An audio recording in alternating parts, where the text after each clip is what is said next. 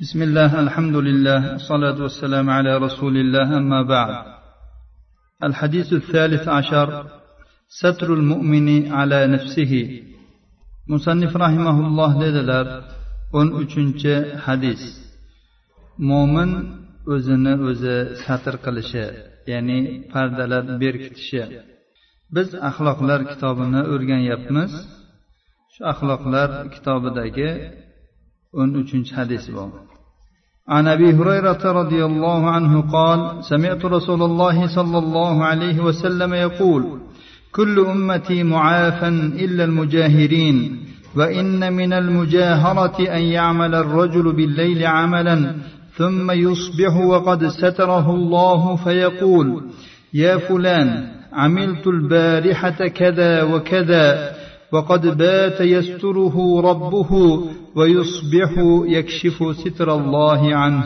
متفق عليه abu hurayra roziyallohu anhu rivoyat qiladilar dedilarki men rasululloh sollallohu alayhi vasallamdan eshitdim u zot dedilar ummatimning hammasi salomatdir ofiyatdadir faqat bundan mujohirlar mustasnodir.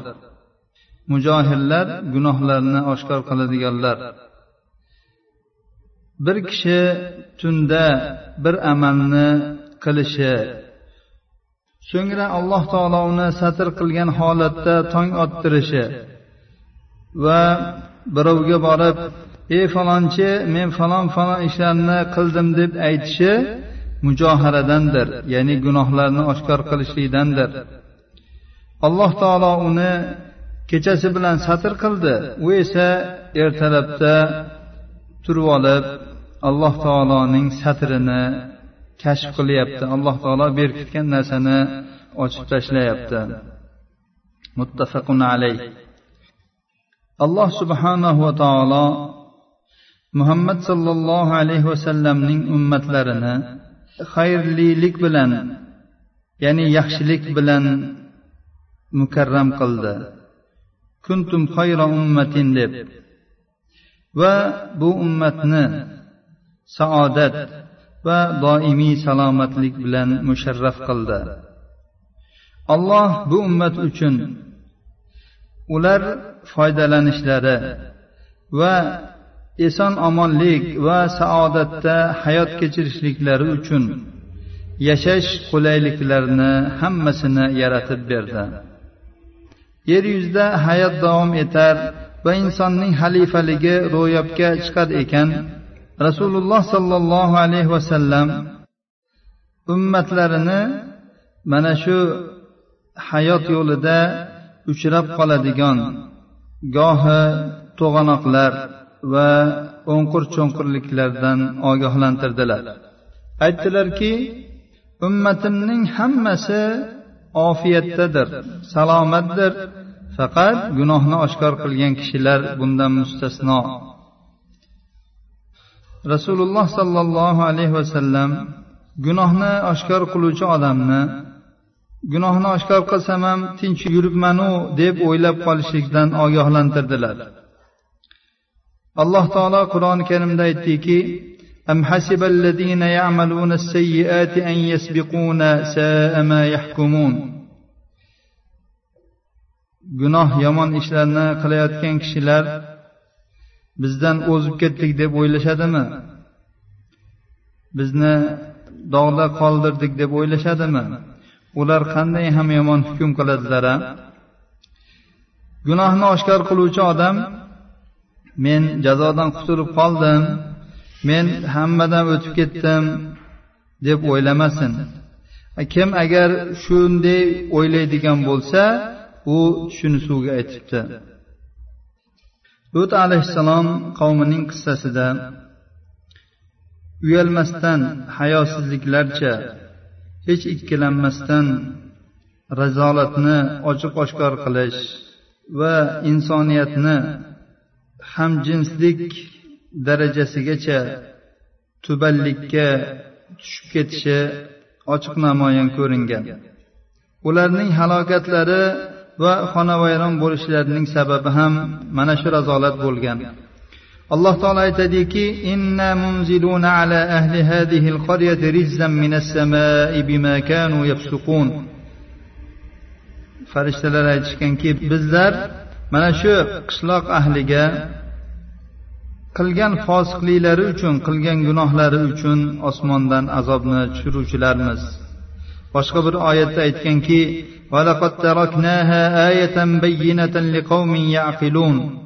biz ularni aqllarini ishlatadigan kishilar uchun ochiq dalil qilib qoldirdik. boshqa bir oyatda aytadiki فلما جاء أمرنا جعلنا عاليها سافلها وأمطرنا عليها حجارة من سجيل منضود مسومة عند ربك وما هي من الظالمين ببعيد bizning ularga azob tushirish uchun bo'lgan buyrug'imiz kelgan paytda biz ular yashaydigan qishloqning ostini ustun qildik Va ularning ustiga terilgan sopoldan qilingan toshlarni yog'dirdik. Bu toshlar robbingizning oldida alohida bir alomat bilan belgilangan edi. U toshlar yer yuzidagi toshlarga o'xshamas edi. Bu toshlar har bir zamondagi zolimlardan uzoq emas. Kim shunday bir zulm qilib haddan oshadigan bo'lsa bu tosh unga ham yog'ishi mumkin. Makka mushriklari bo'ladimi boshqa zamonda yashaydigan odamlar bo'ladimi? Bu oyat hamisha har bir zamonda mana shunday razolat botqog'iga botgan insonlarga ogohlantirishdir qo'rqitishdir.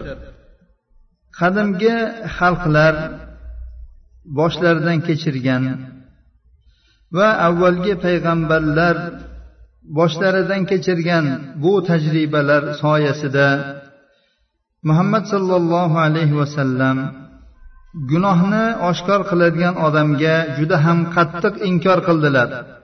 Toki ummati muhammadiya o'z yaxshiligida mo'tadilligida qolsin va boshqa ummatlardan oliyjanobligi sharafi mo'tadilligi bilan ajralib turadigan porloq yulduzligicha qolsin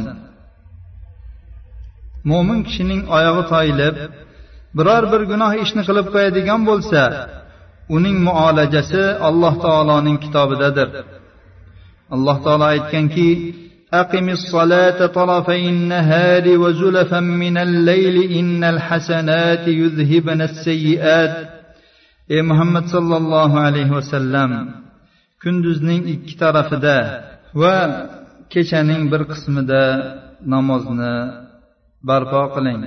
Hasanotlar yaxshi amallarni qilish sayyiotlarni ketkizib yuboradi. Ya'ni yaxshi amallarni qiladigan bo'lsa inson uni qilgan gunohlariga kafforat bo'ladi gunoh sag'iralariga. Ammo gunoh kabiralardan tavba qilish kerak bo'ladi. Agar mo'min kishi yana qayta yo'lida adashib qolsa va gunohga tushib qoladigan bo'lsa u tezda istig'for aytadi tavba qiladi va sukut saqlaydi. Qilgan ishini yashiradi. Nabiy sollallohu alayhi vasallam aytganlarki agar sizlar balolansangiz satrlaninglar. Ya'ni biror bir gunoh ishni qilib gunoh ishga mubtalo bo'ladigan bo'lsangiz satrlaninglar. Ammo kuppa kunduz kuni odamlarning ko'z o'ngida gunoh ishlarni qiladigan inson u na urf odatga va na islomiy an'analarga e'tibor beradi. U inson hurumotlarni poymol qiladi. Uning hayosi va iymoni harom ishni qilishdan qaytarolmaydi mana shu inson gunohni oshkor qiluvchi insondir. Gunohni oshkor qilgan inson ikkita taqiqlangan ishni qilgan bo'ladi.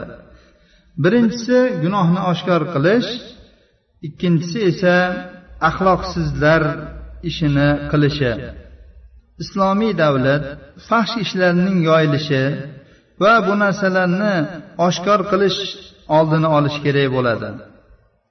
Islom dinida toshbo'ron qilish darralash qamash va badarg'a qilish kabi jazolar va ta'zirlar mana shu maqsadda qonunlashtirilgandir.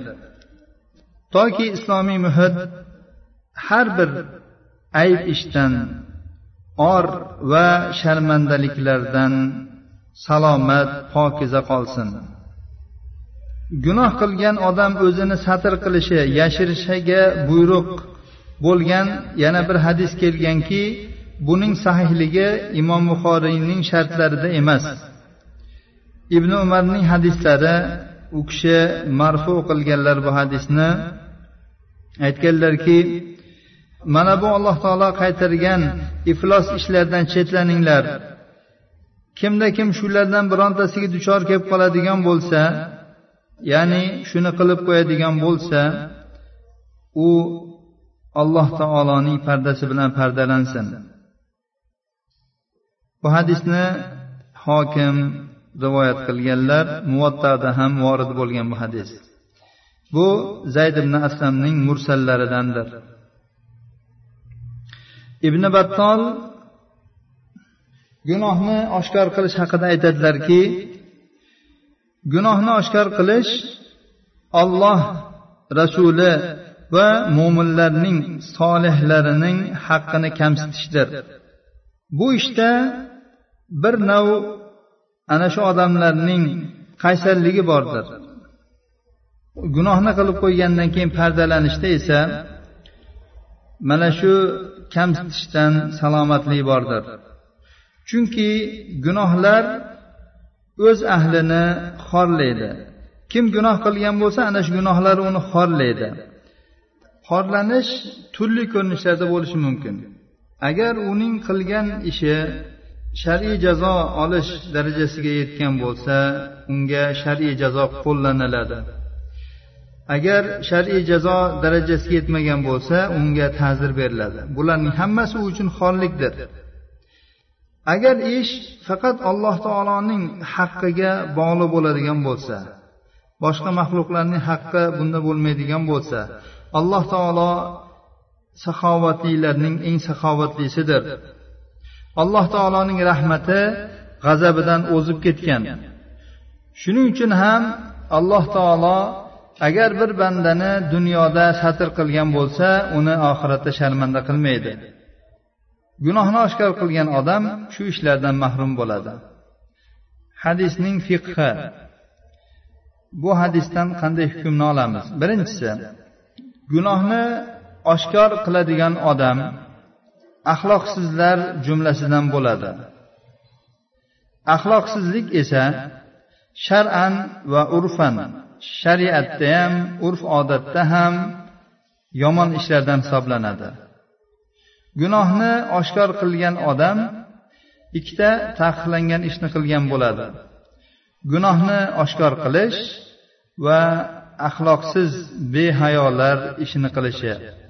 Ikkinchi oladigan hukmimiz gunohni oshkor qilgan va alloh taoloning pardasini yirtib ochib tashlagan odam haqida imom navoiy aytganlarki kimiki bir gunoh ishni oshkor qilgan bo'lsa yoki bid'atini oshkor qilgan bo'lsa ana shu odamni faqat oshkor qilgan ishlari bilan oshkor qilmaganlari bilan emas faqat oshkor qilganlari bilan zikr qilish mumkin. U falon ishni qildi falon bid'atni qildi deb aytsa bo'ladi dedilar.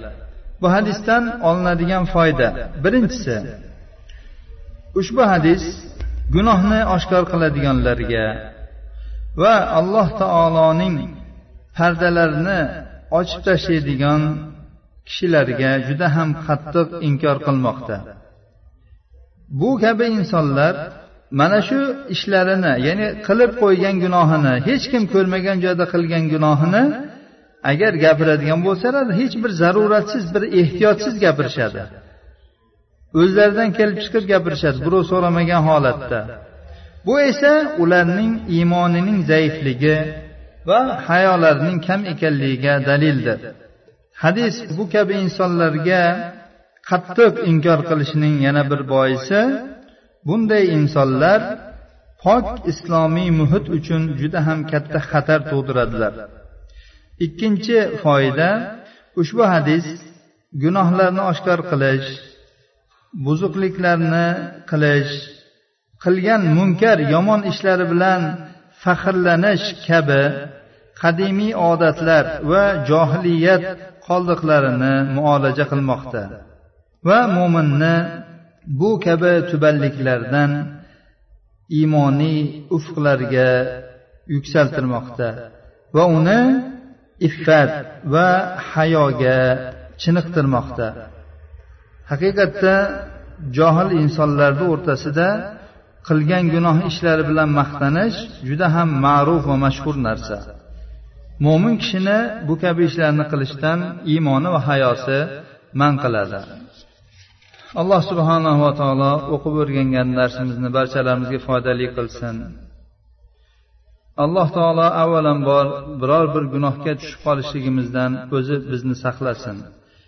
Agar zaiflik qilib biror gunohni qilib qo'yadigan bo'lsak alloh taolo bizni o'z pardasi bilan pardalasin va bizni ham allohning pardasi bilan pardalanishimizga muvaffaq aylasin هذا وصلى الله على نبينا محمد وعلى اله وصحبه وسلم